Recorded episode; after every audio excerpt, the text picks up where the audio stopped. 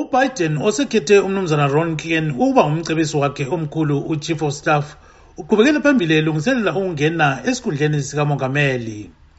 Okwamanje ulama-electoral votes adlula amakhulu amabili lamachumi ayisikhombisa 279 kuthi utrump ulangamakhulu amabili lechumi lasikhombisa 217 onqoba kukhetho lukamongameli emelika kumele abe lama-electoral votes angamakhulu amabili ayisikhombisa 270 abasekela ubiden bathi utrump kumele avume ukuthi unqotshiwe.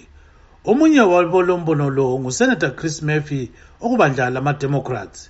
We're a week out, and the president is still desperately searching for evidence of fraud. He won't find it because it doesn't exist.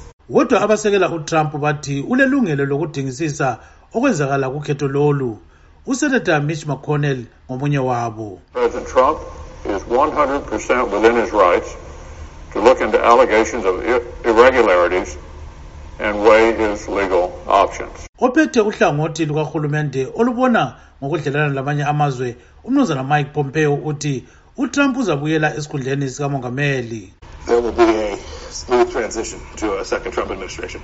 kodwa umnumzana biden uthi abantu laba kabakwazi abakukhulumayo There is no evidence of any of the assertions made by the President or Secretary of State Pompeo. Secretary of State Pompeo. utrump usehambise emthethwandaba udaba lokhetho lolu kodwa kukhanya inkatolo ezabelweni ezijiyeneyo zisithi akulacala elibonakala kulokhu okwethulwa libandla lama-republicans umnumzana busani busontini olandela izombangazwe ekwelemelika uthi kuyamangalisa okwenziwa ngutrump. Kuze kube namuhla uh, udonald trump ngakavumi ukuthi unqotshiwe njalo ukhanya ubhizi uyatshalenja emakhothi into ezithize. Okunye okwenzakalayo ukuthi siyananzelela ukuthi usephe isinqumo kumbe ngithi usenze isinqumo sokubana uBiden le-team yakhe ingaphiwa izimali ezifunakalayo ukuthi beqale ukulungiselela umsebenzi wabo njalo beqale uku- uku- ukuqhatsha abantu abayibo abazamsebenzela kukhabinethi yakhe.